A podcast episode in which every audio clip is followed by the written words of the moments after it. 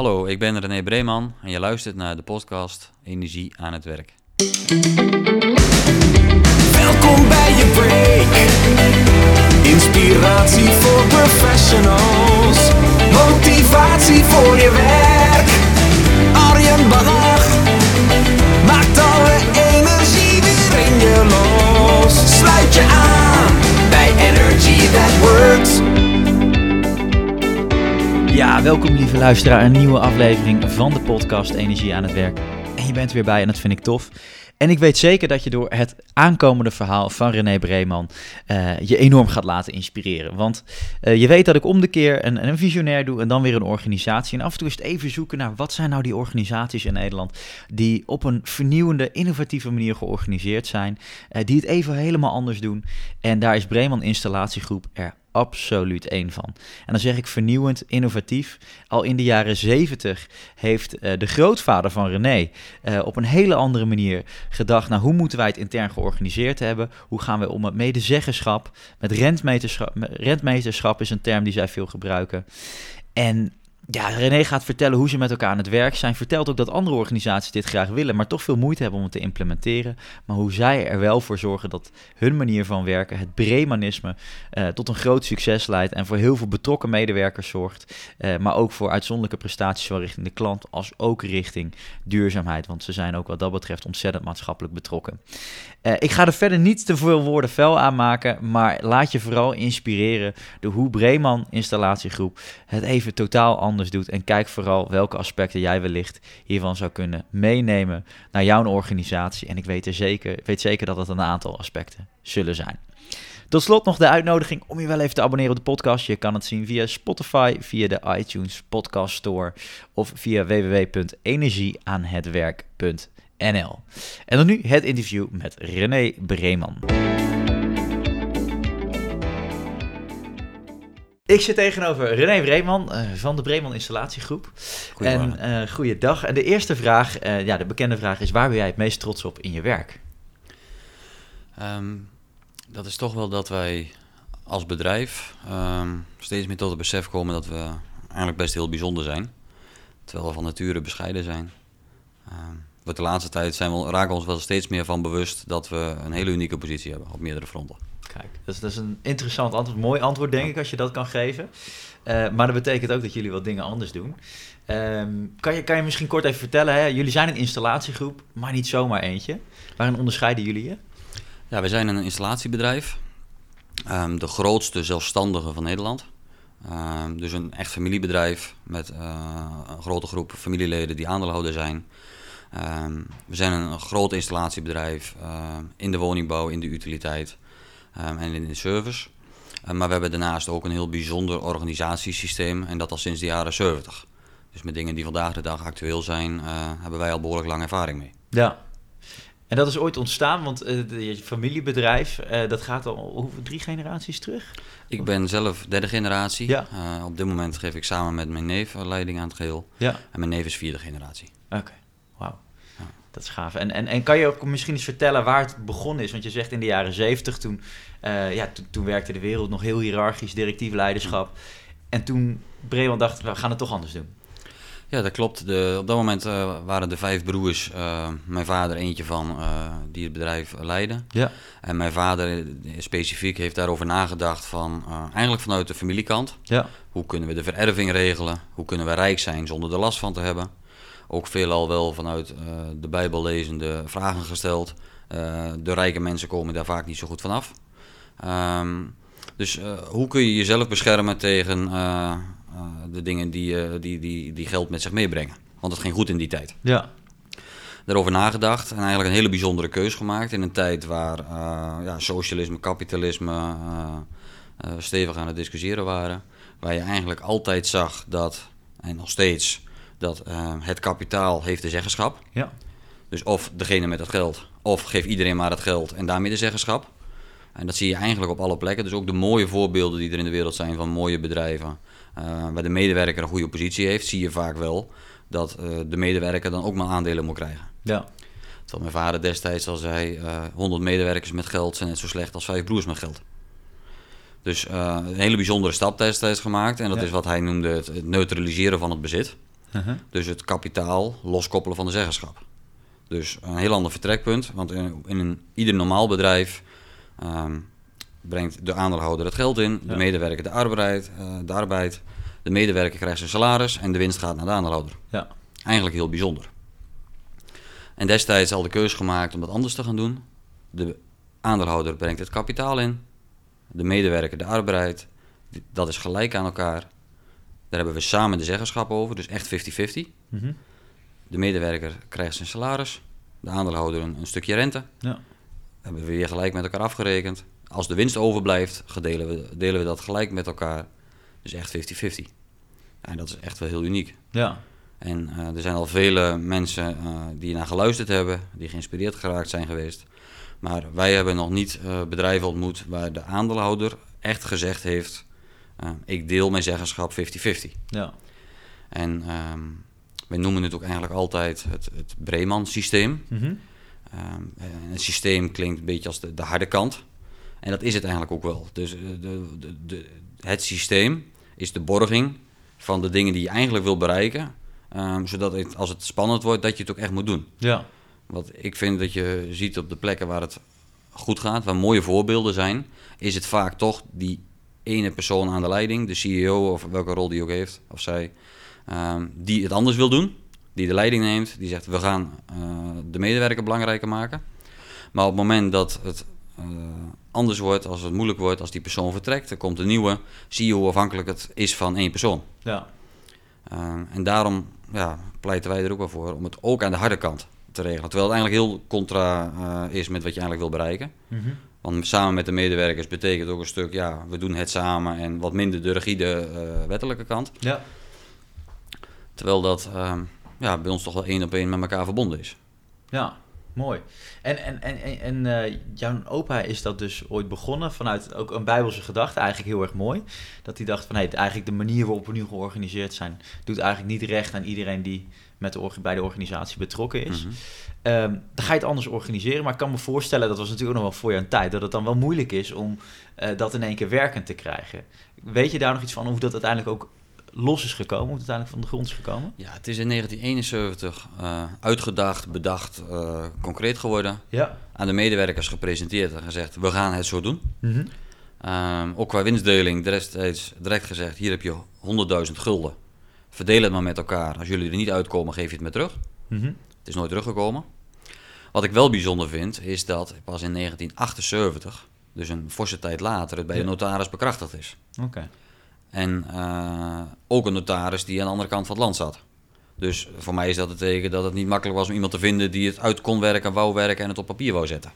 Ja. En dat merk ik met veel mensen die op dit moment geïnteresseerd zijn. Ja. Die komen bij ons, zijn enthousiast, willen het zelf ook doen.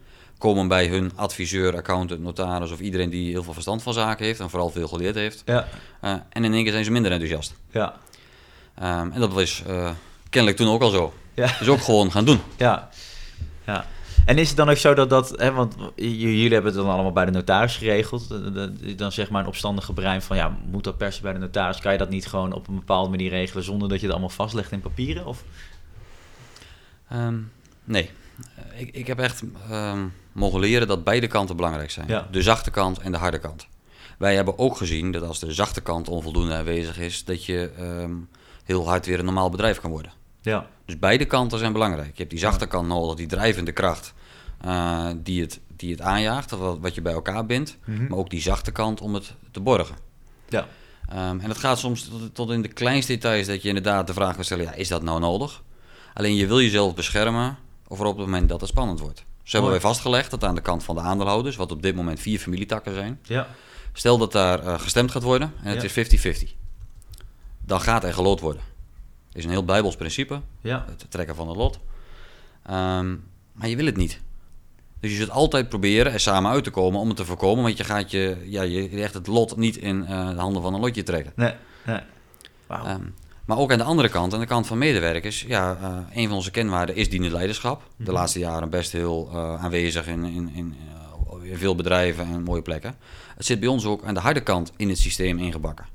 Want je kunt nog zo uh, graag dienend leider willen zijn, als de enige waaraan jij verantwoording moet afleggen je aandeelhouder of je baas of je eigen leidinggevende is, dan doet dat toch ongemerkt iets met je. Mhm. Dus bij ons wordt een directeur, een leidinggevende, aangesteld door de aandeelhouders en de medewerkers. Dus de medewerkers kiezen hun eigen directeur. Ja. Maar ook, als zij het niet meer zien zitten met hem of haar, kunnen ze hem afzetten. Ja. Ja, dat is juridisch eigenlijk niet te regelen. Dus ook daar weer op zoek naar hoe borg je aan de harde kant Ja. wat je eigenlijk wil bereiken. Dus er is in de jaren 70 een vereniging werknemersbelangen opgericht, waar alle medewerkers automatisch lid van zijn. Mhm. Dus als de eh, medewerkers van mening zijn, eh, deze directeur is niet meer de juiste voor ons, kunnen ze dat aangeven. Ja. Dan kan het nog zijn dat je zegt, jullie hebben gisteravond gewoon ruzie gehad. Eh, even afkoelingsperiode, hij, hij of zij moet ook gewoon zijn werk doen. Ja. Het hoort erbij, even kalm aan. Maar dat kan maar tot drie keer toe. Na de derde keer gaat er een boete van een paar duizend euro per dag naar de aandeelhouder. Als zijnde, je moet nu luisteren naar de medewerker. Ja. Dus continu, wat wil je bereiken? En borg jezelf voor als het spannend wordt. Ja. Want hoe makkelijk is het eh, om te zeggen in een moeilijke situatie, een bedrijf waar het niet lekker loopt, die al jaren niet, eh, waar je nu eindelijk die directeur hebt zitten die een keer doorpakt, Ja. terwijl de medewerkers het echt niet zien zitten met hem of haar. Ja. Om dan toch te luisteren naar die medewerkers. Ja, en dat soort dingen zijn van belang om, om ook die harde kant goed te regelen. Wauw. Want ik heb het wel, ik, dat is wel interessant. We, we- ik, ik had het nog ergens voor later willen bewaren, maar we gaan nu even op het dienend leiderschap in, want Ja. het is een eh, interessant punt. Dat is trouwens ook een van de trends die ik, want ik doe veel onderzoek naar organisaties en dienend leiderschap is er wel eentje waarvan ik denk van, hé, hey, dat, is, dat is echt iets waar organisaties mee moeten gaan doen. Nou, ik zou bijna zeggen, uiteraard heeft Bremen dat al lang omarmd. Ja. Ehm, maar wat je inderdaad ziet is dat, dat, dat is een interessant feitje. De helft van alle medewerkers in Nederland wil een salaris inleveren om te mogen ruilen van leidinggevende. Zo bepalend is dat Mhm. eigenlijk. Maar dan zegt ze ja, kies maar je eigen, eigen leidinggevende. Maar hoe zet je dan, hoe kan je dat nou zo regelen? Want meerdere organisaties denken, ja, dat wil ik ook wel omarmen. Maar hoe regel je het nou zo dat inderdaad, eh, als je een leidinggevende hebt en, en, en een team zegt, nou, dit is voor ons echt niet meer de juiste persoon om ons aan te sturen. Hoe regel je het dan echt dat die persoon dan gewoon de organisatie kan verlaten? Hoe hebben jullie dat ingekleed? Nou, de, de ondernemersraad, Ja. dus de vertegenwoordiger van eh, de medewerkers binnen een vestiging, eh, kloppen bij de aandeelhouders aan en die zeggen, ja, ehm, we zeggen het vertrouwen in de directeur op. Ja, En, en natuurlijk ga je eerst kijken eh, van wat is er aan de hand, wat speelt er, wat leeft er. Is het inderdaad gisteravond een ruzie? Eh, is het een beetje gegrond? Eh, kunnen we het nog repareren? Kan een mediation plaatsvinden? Nog veel liever zouden wij ehm, eh, regelmatiger temperaturen van hey, hoe gaat het hier? ja, En als iets van een 8 naar een 7,5 naar een 6,5 zakt, ja, uiteindelijk moet je onder die 7 al niet komen. Dan moet je al met elkaar het gesprek hebben, Ja. wat gebeurt hier?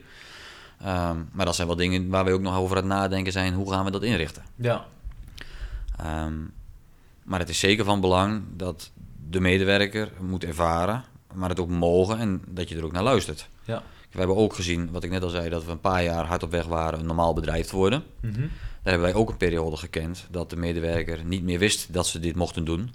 En het ook niet durfde te doen en dat er ook niet naar ze geluisterd werd als ze het wel deden. Hm. Ja, dan, dan, dan sla je zo'n systeem dood. ja, Dus op het moment dat eh, we het roer weer omgegooid hebben, weer vooruit naar vroeger, hebben we dit ook weer aan de medewerkers verteld. ja, Heb ik het ook op LinkedIn geschreven. Om te laten zien van ja, maar we menen het echt. ja. En dat heeft er ook toe geleid dat wij op meerdere plekken met medewerkers in gesprek kwamen dat hun leidinggevende echt niet de juiste was. Nee.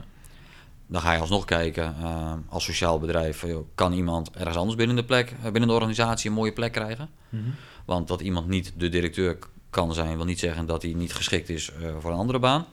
ja. Ehm, maar de- wel luisteren naar de medewerkers. ja. Absoluut. Mooi. En eh, even wat voor, voor het beeld ook, voor mij en wellicht voor de luisteraar. Kan je kort uitleggen hoe, hoe die structuur van jullie is? Want, want je hebt natuurlijk een grote groep installateurs die, die dagelijks gewoon op pad zijn naar de klant. Ja. Die worden aangestuurd door directeuren, noem je ze? Of- Ja, we hebben ehm 1700 medewerkers. Mhm. eh, verdeeld over 36 vestigingen. En iedere vestiging heeft een eigen statutair directeur. Ja. In een enkel geval eh, twee directeuren of ehm, één directeur over meerdere BV's. Ja. Maar iedere groep mensen zit in een BV en heeft een eigen statutair directeur. Ja. Ehm, een structuur die ook in de jaren 70 bewust voor gekozen is als we zijn lokaal aanwezig, eh, dicht bij de markt, dicht bij de klant, een stuk autonomie in de vestiging. Mhm. Ehm, dan zie je ook wel dat alle vestigingen heel verschillend kunnen zijn. Ook qua eh, stijl van leiding geven. We hebben hele vooruitstrevende bedrijven als het gaat om leiderschap. En hele ehm, traditionele bedrijven waar toch een behoorlijke hiërarchie aanwezig is. Ja. Ehm, alles, alle smaken zitten er wel tussen. Maar ook medewerkers die, die daarin zelf wel hun keuzes maken. Ja. Er zijn medewerkers die bij de ene vestiging gezeten hebben en eh, inmiddels heel gelukkig zijn bij een ander. Ehm, dus dat kan allemaal. Die 36 BV's hangen rechtstreeks onder Bremen Beheer. De pot met geld. Ja. Eh, de, de plek waar het bezit zit. De werkmaatschappijen zijn relatief kale werkmaatschappijen.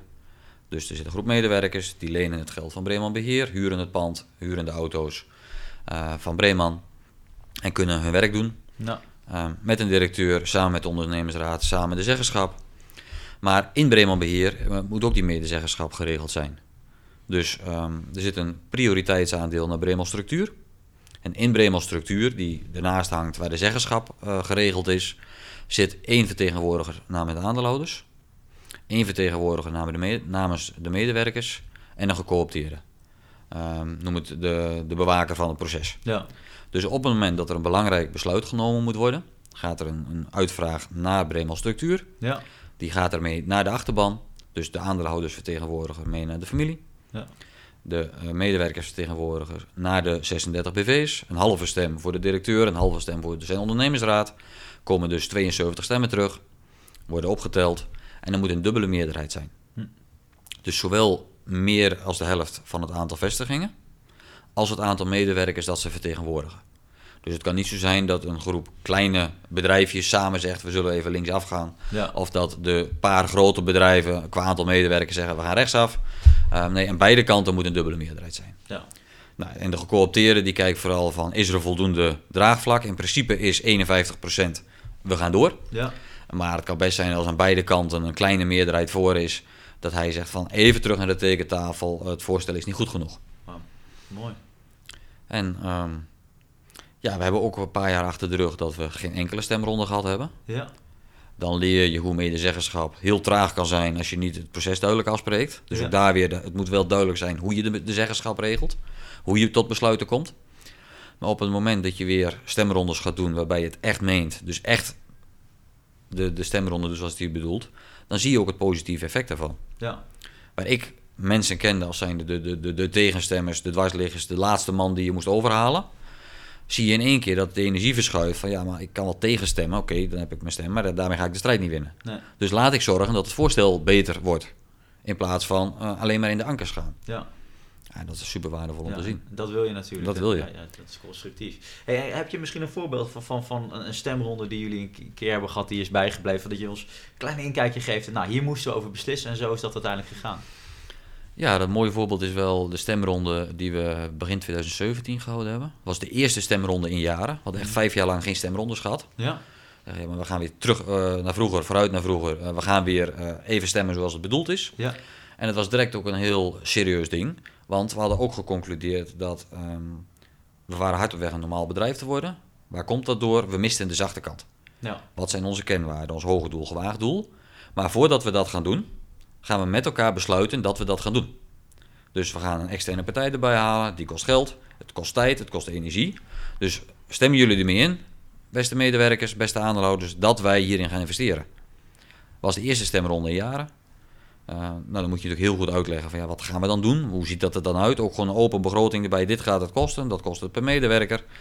En dan zie je dat, um, ondanks dat er al een, een, een, meerderheid voor was, dat er ook goede dingen uit voortkomen. Ja. Um, mensen die eigenlijk zoiets hadden van ja, moet dat allemaal nu? Dus eigenlijk tegenstemden. Die zeiden oké, okay, maar als we het wel gaan doen, dan gaan we het ook onder werkstijd doen. Dus als we geld gaan uitgeven, dan gaan we ook zorgen dat het slaagt. Ja. Het was eigenlijk niet per se voor het hele traject waren. Nou, en dan zie je dat zo'n voorstel er echt beter van wordt. En dan, daarna hebben we nog twee stemrondes gehouden over het eerste fase, over de visie. Ja. Over de tweede fase, over de strategie. En dan zie je ook dat de betrokkenheid verhoogt en dat het, het percentage wat voorstemt daarna ook behoorlijk oploopt. Ja. Het mooiste wat ik nog vind om te zien is dat zodra je gestemd hebt en er is een besluit, dan is er geen discussie meer. Nee. Dan is het een besluit. We hebben, iedereen heeft zijn kans gehad om eraan bij te dragen en we gaan door. We gaan bouwen. Ik wil niet zeggen dat het daarna vanzelf gaat, Ja. maar een heleboel ruis is van de lijn. Ja, prachtig. En, en zo is dus dat, dat, dat eerste model ontstaan. Uh, of zo zijn jullie voor het eerst weer gaan stemmen. Ja. Um, waar ik wel benieuwd naar ben, en je laat er nu al een paar keer vallen van... Nou, op een gegeven moment waren we hard op weg een normaal bedrijf te, worden. En de zachte kant ontbrak. En waar, waar merk je dat dan in de dagelijkse, uh, dagelijkse bezigheden? Dat je merkt van, nou, nu wordt het een normaal bedrijf? Um, de, de, bijzondere dingen, het Bremen-systeem, die hanteerden we op, op veel plekken minder. Oké. Okay. Um, het, het, stukje medewerkers, eh, werkgeluk. Ja, je, je voelde gewoon dat het niet was zoals het hoorde, zoals we dat ons fijn bij voelden. Ehm, strategische keuzes eh, wisselden alle kanten op. Het, het wijgevoel werd steeds minder. Ja. Eh, best wel wat, wat geroezemoes af en toe over dingen. Dus eh, gewoon de, de hele sfeer voelde je van dit, dit is niet wat wij zijn. Nee. Maar ook betrokken medewerkers die aan de bel begonnen te trekken van ja, het gaat de verkeerde kant op. Uh, totdat als medewerker zei, ja, maar ik, ik, sta op punt om bij ons weg te gaan. Omdat het, het voelt niet meer goed. Nee. Nou, en dan op een gegeven moment kom je, word je wakker en zeg je van, uh, waar zijn we in vredesnaam mee bezig? Um, dus dat is echt wel een kantelpunt uh, geweest in, in, in, onze geschiedenis, zeg maar. Ja. Uh, en van daaruit zijn we wel weer gelukkig weer hard op weg een bijzonder bedrijf te blijven. Ja. ja. En, en terug naar waar het eigenlijk ooit bedoeld was. Ja. ja. ja. En, en, en zeg ik dat dan goed als, uh, als je dan, hey, je, hebt, je hebt heel veel verschillende vestigingen en je bent vooral met die harde kant van het business doen bezig, dat, dat, dat eigenlijk de uh, gedeelde organisatiecultuur, die eigenlijk zorgt voor gemeenschappelijk goed, dat die eigenlijk niet aanwezig was op dat moment? Dat, en, en dat jullie daarna weer cultuur zijn gaan maken met elkaar? Tweeledig. Enerzijds uh, ja, uh, vestigingen verder van Genemuiden af, overnames uh, de afgelopen tien jaar. Dat je toch voelt, dat, dat voelt minder van, van ons, ja. met elkaar. Uh, anderzijds zat het er ook wel in. Dus er zit wel iets in onze medewerkers, in onze vestigingen, dat men er wel bij willen horen en merkte dat het ook niet meer klopte. Ja. Dus het is, het, is, het is meer ophalen van wat we ooit waren en dat weer krachtig neerzetten. Uh, laatst uh, hoorde ik het woord wat het misschien wel het best past. En dat is, ja, eigenlijk waar zijn we aan het revitaliseren. Ja, mooi. Um, dus ja, het is, het is niet dat we exact hetzelfde doen als wat we ooit gedaan hebben. Nee. Want we staan echt wel in een andere tijd. Uh, maar wel weer terug naar hoe het bedoeld was. Ja. Waar we vandaan komen. En dat weer klaarmaken voor de toekomst. Ja. Tof. En je liet aan, aan het begin uh, gaf je ons een heel klein inkijkje in, maar ik ben wel even benieuwd, want uiteindelijk hè, die zachte kant van het organiseren, die wordt ook steeds belangrijker. Uh, steeds meer organisaties erkennen dat het belangrijk is om meer naar medewerkers te luisteren, die zeggenschap meer terug te geven. Um, en die gaan die, dat soort trajecten in, maar ze slagen lang niet altijd. En bij jullie is het toch op een bepaalde manier heel organisch gegaan en, en, en ook tot een heel mooi resultaat gekomen. Um, kan je ons eens even meenemen wat, welke stappen zijn gezet na, na dat besluit, na die stemronde heeft plaatsgevonden? Ik denk dat de, de stemronde aan zich al een heel uh, belangrijk deel in, in het succes is. Ja. We hebben met z'n allen besloten uh, dat we het gaan doen. Ja. Maar ook, we zijn het samen gaan doen. Dus um, elke medewerker heeft de kans gehad om mee te doen. Ze hebben thuis uitnodigingen gehad. Alle mobiele nummers die we hebben, hebben sms'jes gehad, mailadressen. Uh, hebben ze bijna bestookt om, om mee te gaan doen. Ja. Nou, dan is, is 450 van op dat moment de 1600 medewerkers is een mooi aantal. Had voor mij meer mogen zijn. Maar het is echt wel een goede doorsnee van de organisatie. Um, en echt oprecht met elkaar het bedenken. Dus niet vooraf of in een, met een klein team, uh, van, vaak boven in de bomen, het bedenken. Mm-hmm. Het neerzetten zeggen, nou wij hebben het bedacht met elkaar. Hoe geweldig vinden jullie het? Nee, echt van, van, van, vanuit het niks met elkaar opbouwen van wat, wat is het dan en wat hebben we dan? Ja. Um, en ik durf wel te zeggen, kijk natuurlijk had ik vooraf stiekem voor mezelf het modelletje ingevuld van wat, wat zou ik neerzetten. Ja. Maar wat er uitgekomen is, is veel echter, veel mooier en veel beter dan wat ik zelf ooit had kunnen bedenken. Ja. Dus het proces met elkaar doorlopen heeft ook gewoon een stuk kwaliteit gebracht. Ja. Nou, wat natuurlijk ook nodig is, is gewoon een stuk uh, volharding en doorzetten. Um, want het gaat niet vanzelf. Er zijn echt wel momenten geweest dat andere dingen belangrijker waren. Uh, dat men vragen begon te stellen van, ja, maar is het allemaal wel nodig? Uh, de dag van vandaag is ook heel belangrijk. Dus op het moment dat je een sessie met alle directeuren hebt, um, ja, kost het heel veel tijd. Ja. Uh, dus het heeft ook wel een stuk visie en richtinggeven nodig van, van uh, onze kant, van mijn neef en mij, om, om daarin door te zetten en te volharden. Ja.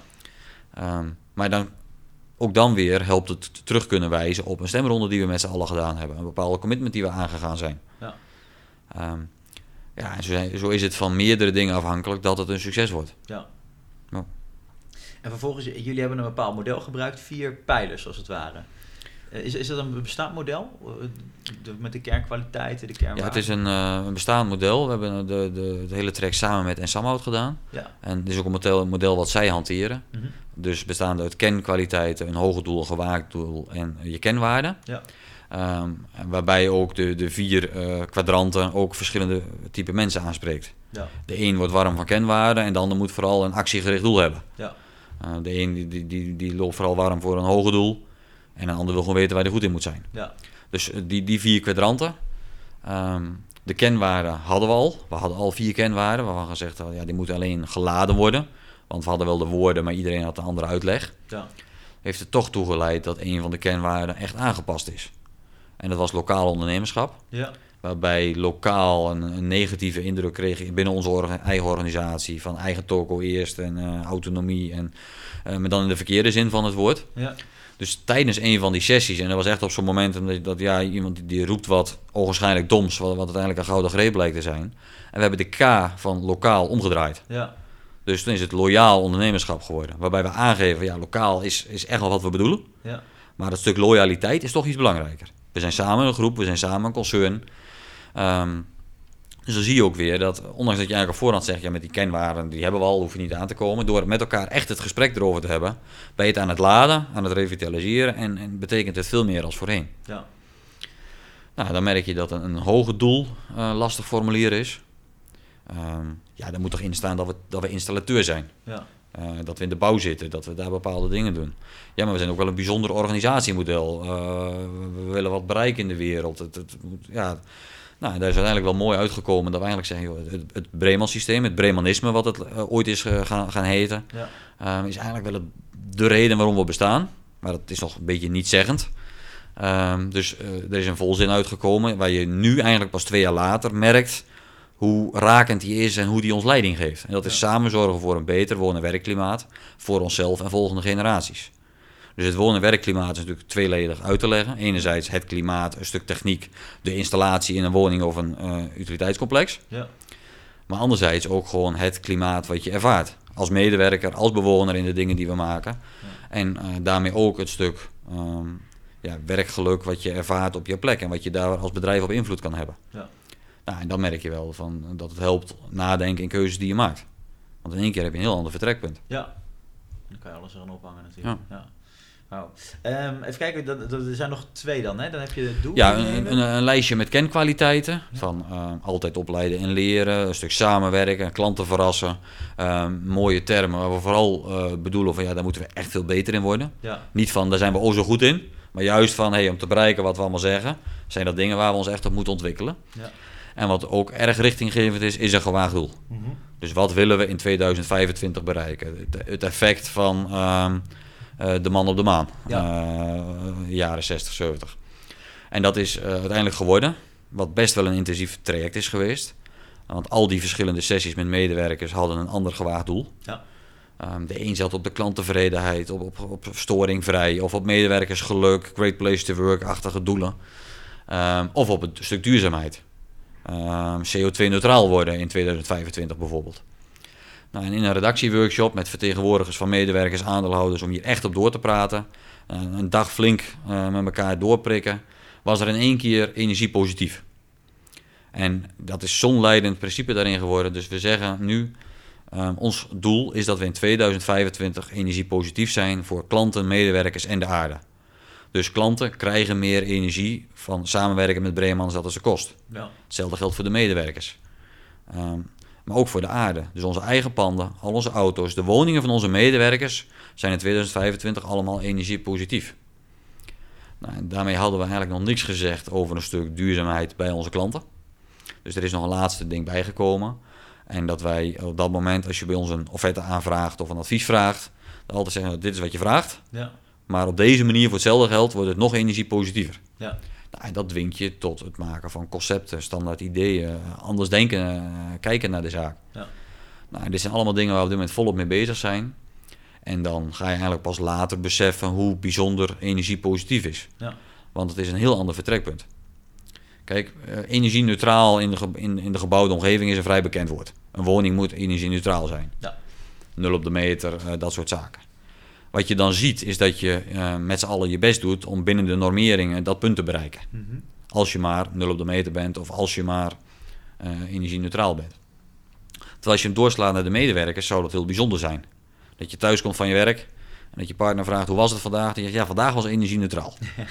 Ja, het bestaat niet. Nee, nee. Het is of een rotdag, Ja. of het was heerlijk en je, en je hebt energie gekregen. Natuurlijk, het kan een zware dag geweest zijn. Je kunt een minder gelukkige dag gehad hebben. Maar als je thuis komt en je hebt een stuk voldoening en je zegt, ik ben, nou, het was echt een positieve dag, Ja. ja, dan heb je energiepositiviteit. Hetzelfde gaat om duurzaamheid. Als jij zegt, ik wil een energiepositieve woning maken, Ja. heb je een ander vertrekpunt. Ja. Je wil meer energie leveren. Ja. Nou, en dan merk je hoe, hoe echt het is en eh, hoe dat begint te leven. En dat helpt ons op dit moment in het vraagstuk, in de hele energietransitie die gaande is. Ja, welke rol willen we daarin innemen? Ja. Wat, wat betekent dat voor ons? Welke keuzes willen we daarin maken? Ja, en daarin dagen jullie jezelf dus echt uit om duurzame eh, organisatie te worden. Absoluut. Ja, Ja. ja. En wa- wa- wat ik wel mooi vond, en dat heb ik ook op LinkedIn voorbij zien komen, dat noemde je net ook eventjes, dat jullie zeggen, als we dat dan willen uitdragen, dan is het in ieder geval belangrijk dat iedereen die aangesloten is bij Breeman zelf ook eh energiepositief, moet ik het dan noemen, woont. Ja. Eh, en, en jullie dus ook echt als doel hebben om binnen nu en zes jaar dus alle woningen van alle medewerkers zijn dus ook gewoon helemaal energie-neutraal. Ja, natuurlijk een absurd doel Ja, als je dat verzint. Eh, we zijn nu de eerste stappen aan het zetten. De, er hebben zich 50 medewerkers gemeld die zeggen: Ik heb wat op de bankrekening staan, ik wil wat met duurzaamheid, help. ja, Er zijn er acht van geselecteerd. Hun woning wordt helemaal geanalyseerd, gescand, er worden goede adviezen gemaakt. Daarnaast hebben we ook nog een paar huurwoningen gepakt. Dus onze medewerkers die in een corporatiewoning zitten. Dan zeggen we, laten wij een advies maken voor die woning. En samen met onze medewerker die in hun woning woont, eh, naar de corporatie stappen van, hé, hey, we hebben een plan. Ja. Doen jullie mee? Eh, en zo willen we uiteindelijk alle woningen van onze medewerkers eh, energiepositief maken. Nou, Als je ook ziet wat dat voor dynamiek geeft, eh, zowel intern als extern. ja. Eh, en natuurlijk super leerzaam. Ja, precies. Ja, ik- en ik kan me heel goed voorstellen inderdaad dat mensen echt een, beetje dat jeugdige enthousiasme krijgen van hé, hey, we zijn echt, echt aan het pionieren met elkaar. En, eh, Ja, ja, Absoluut. leuk hè. En dat, dat energiepositieve, dat, gaat, dat, dat is ook belangrijk richting medewerkers. Hè, je zegt dat mensen met meer energie de zaak verlaten dan dat ze eigenlijk Ja. Ehm, kan, kan je daar iets meer over vertellen hoe jullie dat doen? Aan welke knoppen jullie draaien om te zorgen dat mensen ook zo energiek worden van hun werk? Nou, daar zitten we echt nog wel in een beginfase. Ja, Ehm, om, om te gaan kijken wat zijn nou dingen eh, waar we mee aan de, aan de slag moeten. Ja. Dat begint met een stuk eh, betrokkenheid, meenemen waar we voor staan, wat we kunnen bereiken. Een stuk vrijheid geven om dingen op te pakken. Een mooi voorbeeld hierin vind ik zelf eh, Jong Breeman. Ehm, een initiatief wat denk ik anderhalf jaar geleden een beetje geboren is. Dat een groep jongelui bij ons kwam van... Hey, eh, is dat wat voor Breeman? Een, een, een club met jonge mensen eh, apart neerzetten. Ja, eigenlijk hebben we er niet zoveel aan gedaan, behalve hun gestimuleerd en gezegd: fantastisch initiatief, ga het maar doen. ja, Nou, en dan zie je dat er een groep jongelui is die nu, nu drie, vier keer per jaar bij elkaar komt, een man of vijftig, die samen leuke dingen ontdekken, eh, sprekers laten komen, eh, sessies aan het doen zijn eh, om dingen op te pakken. ja. Dus een stuk vrijheid in het oppakken van dingen die nodig zijn. Dat leidt ertoe dat, die, dat diezelfde groep op een gegeven moment bij ons komt. Van ja, we hebben ook wat eh jongelui zitten die, die, die, die graag nog meer willen doen ja. hebben jullie niet eens een groot vraagstuk waar wij over na mogen denken? Dus eh, mogen wij eens naar het wagenpark kijken of naar de verduurzaming van onze panden of een stuk innovatie? ja. We hebben de kennis, we hebben de tijd, we hebben de energie, kom maar op. Ja, dat zijn fantastische dingen. ja. Nou, er zijn ook wel andere dingen die op ons verlanglijstje staan. Ehm, ja, op dit moment hebben we nog een vrij traditioneel contract voor een nieuwe medewerker. Mhm. Nou, dat is wel een van de dingen, zeg, kunnen we die niet reduceren naar een A4'tje? Het zijn maar kleine dingen, Ja. maar dat geeft wel aan. En zo hebben we echt nog wel veel punten die we op moeten pakken.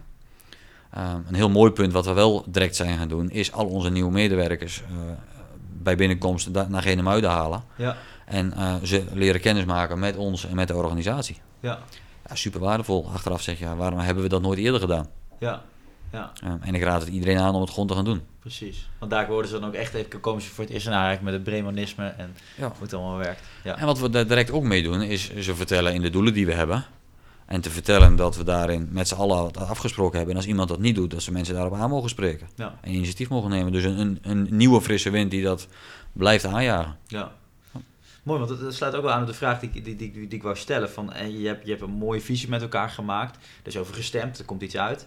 Ehm, maar met elkaar een mooie visie verwoorden, of echt kernkwaliteiten, alles wat daarbij hoort, de strategie, laten we het zo noemen. Eh, en te zorgen dat elke medewerker ook volgens die strategie gaat werken. Dat zijn natuurlijk wel twee verschillende dingen. Absoluut. Ja. Ehm, nieuwe medewerkers laat je in ieder geval gelijk op de allereerste werkdag in aanraking daarmee komen. Hoe zorg je dat de oude garde ook echt een beetje volgens die strategie gaat werken? Nou, we hebben het bewust ook aan voor, op de voorgrond eh, in drie fasen ge- geknipt. Ja, Dus de, de visie, het vierluik wat ik net beschrijf. ja, Eh, daarna het strategie. Van wat zijn nou de acties die we moeten doen om te komen tot? ja, Ehm maar de derde fase, eh, de, de langste en belangrijkste fase, noemen we ook doorleven en doen. ja, En daar zitten die twee aspecten in. Dus het doorleven. Hoe zorg je dat je het blijft laden, blijft begrijpen, blijft uitleggen aan mensen en het gaan doen. Ja. Nou, en dat zijn wel twee uitdagende dingen. Dus dat is het, het blijven herhalen in ons eh, krantje wat een paar keer per jaar uitkomt, op het internet, in sessies, eh, op vestigingsniveau, de directeuren blijven inspireren, het blijven herhalen en het blijven doen.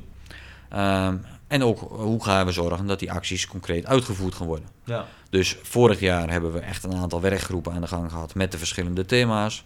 Rondom HR, rondom het Bremen systeem, rondom innovatie.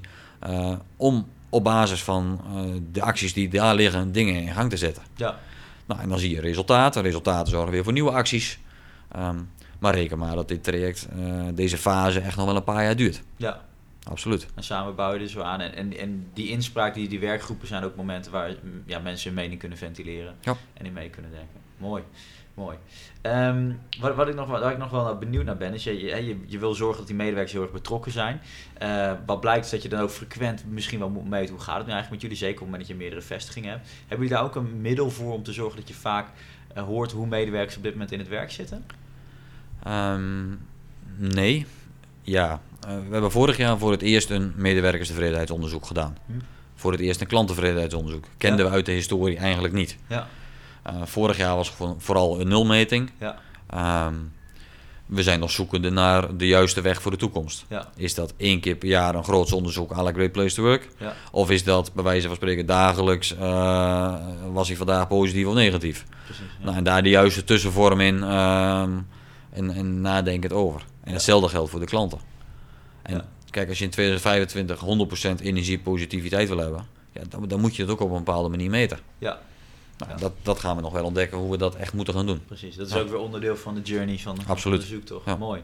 Hey, als je eh, met elkaar ehm, intensief samenwerkt en je wil met elkaar stemrondes doen, eh, iedereen zeggenschap geven, dan is natuurlijk een van de gevaren dat het vrij stroperig wordt. En in een snel veranderende wereld wil je als organisatie ook soms snel beslissingen kunnen maken. Werkt dat dan af en toe tegen of werkt het juist heel erg voor? Ehm, een echte stemronde eh, met een goede voorbereiding gaat in mijn beleving sneller als dat je ehm, ideeën erdoor drukt eh, of, of met elkaar moet beslissen en aan de achterkant dingen moet regelen. Ehm, maar het is voor ons ook wel een zoektocht in wat doe je nu wel, wat doe je nu niet. Ja. Ehm, wat, wat, wat op dit moment ook wel een uitdaging is, een stukje rondom innovatie. Ja, bepaalde start-up ideeën lenen zich echt wel voor een stemronde. Ja. Alleen wanneer doe je het? Ja. Doe je het in het hele prille stadium? Je zegt, joh, dit lijkt een leuk idee, zullen we dat met elkaar eens gaan ontdekken? Ja. Voordat we er ook maar een euro aan uitgeven. Of doe je dat na een jaar lang onderzoek dat je eigenlijk wel een behoorlijke business case hebt liggen. Ja. Maar inmiddels ook een paar euro verspijkerd hebt. Ehm, wat daarbij een uitdaging is, je merkt dat bij een stemronde de financiële paragraaf een hele belangrijke is. Ja. Wat gaat het kosten? Logische vraag. Terwijl je ook ziet dat ontwikkelingen steeds lastiger te voorspellen zijn op dat vlak. Maar hoeveel gaat een stuk innovatie nou echt kosten? Wat levert het op? Ehm, dus we zijn ook wel aan het zoeken naar ehm, ja, hoe ga je het, het nieuw soort innovatie een, een plek geven binnen Breeman. Waarbij het voldoende snelheid kan krijgen. Waarbij je ook de ruimte krijgt om te experimenteren. Dat je wel met elkaar beslist over hoe het gaat gebeuren. Ja. Maar niet voor elk nieuw idee een stemronde hoeft te doen. Ja. Nou, dat, dat zijn we nog aan het ontdekken. Ja. De kans is wel vrij groot dat we dat op een aparte plek gaan positioneren. Ja. Dus misschien dat je wel vooraf bepaalt, joh, er is budget. Eh, en dat is de strategie die we met z'n allen hebben en dat is de koers. Maar daarbinnen een, een stukje ruimte om eh, te ontdekken met elkaar. Ja. Ja, dat gaan we nog ontdekken. Mooi. En, en eh, want dat, dat was ook een vraag die ik nog, nog in mijn hoofd had. Want dat, jullie opereren natuurlijk in, in, in, een, in, een, eh, in een markt waar de komende jaren ontzettend veel gaat veranderen. Absoluut. En waar het natuurlijk heel belangrijk is dat je eh, wel voorop blijft lopen. Ehm, hoe zorgen jullie dat je die innovatie ook bij gewoon medewerkers een beetje blijft aanwakkeren? Dat zij ook zelf met initiatieven komen. Ehm, ja, die zit op meerdere assen. Enerzijds ehm, is dat wel het stuk innovatie waar wij van oudsher goed in zijn. Dus in de vestiging, dicht bij de markt. Ja. Maar het is wel het soort innovatie, de klant vraagt het vandaag, we kunnen het morgen. Ja. De, de, de, de, de technologische ontwikkelingen die op dit moment op ons afkomen zijn van dusdanig aard dat- dat je meer als groep samen moet optrekken, eh, vooruitdenken en eh, de tijd nemen om erin te investeren. Ja. Eh, ver, ver- dat vergt een andere aanpak. Hm. Ehm, maar beide heb je nodig. Dus waar we over aan het nadenken zijn, hoe kun jij eh, als organisatie een, een, plek creëren waar je de ruimte hebt om vooruit te denken, waar mensen hun tijd mogen investeren, waarbij je geïnspireerd wordt om ook op je eigen niveau dingen te doen. Mm waar je ook je partners, je opdrachtgevers, maar ook je concurrenten wellicht kan inspireren, omdat je met elkaar uh, een hele transitie te gaan hebt in de, in de bouw. Um, dus je zit echt op meerdere assen, waar we op dit moment echt actueel over het nadenken zijn. En ook aan het nadenken zijn, oké, maar welke rol hebben wij in die transitie? Ja. Dus de hele energietransitie die gaande is, uh, wat betekent dat voor ons? En wat, maar ook wat verantwoord, verantwoordelijkheid brengt dat met zich mee? Ja, ja. mooi. Mooi. Dus ja, en, en, wat je ook zegt, en dat vind ik op zich al, uh, al heel interessant, is dat, dat medewerkers dus ook echt de, de, ruimte ervoor krijgen om wat van hun werktijd ook te benutten, uh, om zelf de ogen open te houden, om te kijken wat gebeurt er.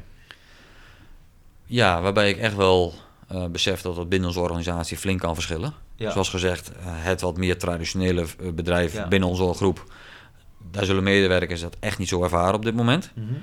Er zijn andere bedrijven waar echt hele mooie voorbeelden zijn van waar dat wel zo is. Waar ze ook de ruimte krijgen om hun werk te verbeteren. Waar ook gezegd wordt, ja, als wij uh, verbeteringen doorvoeren met elkaar, waardoor we tijd winnen, ja. betekent dat niet dat we jullie volle gaan drukken. Dan gaan we die tijd gebruiken om te innoveren. Um, maar ook dat zijn maar de mooie voorbeelden binnen onze organisatie. Ja. Uh, waar we nu over aan het nadenken zijn, is hoe gaan we dit meer uh, concernbreed borgen. Ja. Dus de mooie voorbeelden die er zijn, uh, meer een plek geven. Dat die, ja, dat die ook door iedereen worden... Dat, dat iedereen dat op die manier ja, mag ervaren, absoluut. Mooi, mooi. Nog één dingetje waar ik benieuwd naar ben, en dan gaan we richting de afsluiting. En dat is um, dat, dat, dat ook in de installatiewereld, en jullie noemen net al even Jong Breeman, zie je toch ook uh, wel generatieverschillen, echt, onder de oudere garde en de jongere groep. Uh, hoe zorgen jullie dat die toch in, in die uh, organisatie fijn met elkaar samenwerken? Want dat kan soms best een uitdaging zijn, denk ik. Um, dat, dat kan zeker een uitdaging zijn. Um, en die zitten op, op veel verschillende vlakken. Ik denk dat binnen een bedrijf de verschillende generaties echt wel uh, kunnen samenwerken. Ja. Um, je ziet ook dat het, is het per se generaties of leeftijd, of is het ook een stuk mentaliteit. Ik denk dat wij uh, bedrijven hebben die best wel wat ouder zijn qua leeftijd, ja. maar waar um, die veel innovatiever zijn.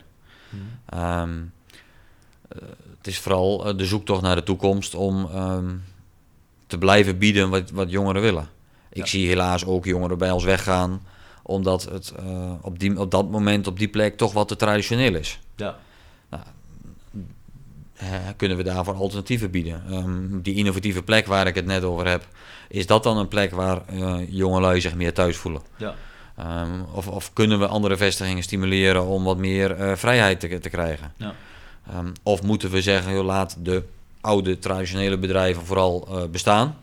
Maar we gaan nieuwe, innovatievere bedrijven ernaast zetten. Allemaal vraagstukken die nog wel voor ons liggen, waarbij we ons beseffen um, dat, dat het niet rigide is. Dat er ook geen uh, one-size-fits-all oplossing voor is. Um, maar wel zeker uh, belangrijke thema's zijn om, om nog op te ontwikkelen. Ja, absoluut. Ja, en dat is dus ook gewoon wat jullie door blijven doen. Absoluut. Ja, ja. Laatste vraag dan René, en dat is uh, ja, de podcast Energie aan het werk natuurlijk. En jullie hebben het ook uh, benoemd in jullie strategie. Wat is wat jou betreft de belangrijkste sleutel voor energie op het werk? Het samen doen. Dus echt oprecht met elkaar, um, gelijkwaardig uh, het bedrijf runnen. Waardoor de medewerker ervaart dat hij dit te doet wat vrijheid eh, kan inbrengen in zijn eigen werk, maar ook in, in het bedrijf samenrunnen. Daardoor creëer je een stuk eigenaarschap. En uh, voor mij is het, dat stuk uh, vrijheid, eigenaarschap, uh, noem de woorden, wat uiteindelijk maakt dat mensen energiepositief kunnen zijn in de dingen die ze doen. Mooi. Absoluut. Prachtig antwoord. Mag ik je danken? Heel bedankt.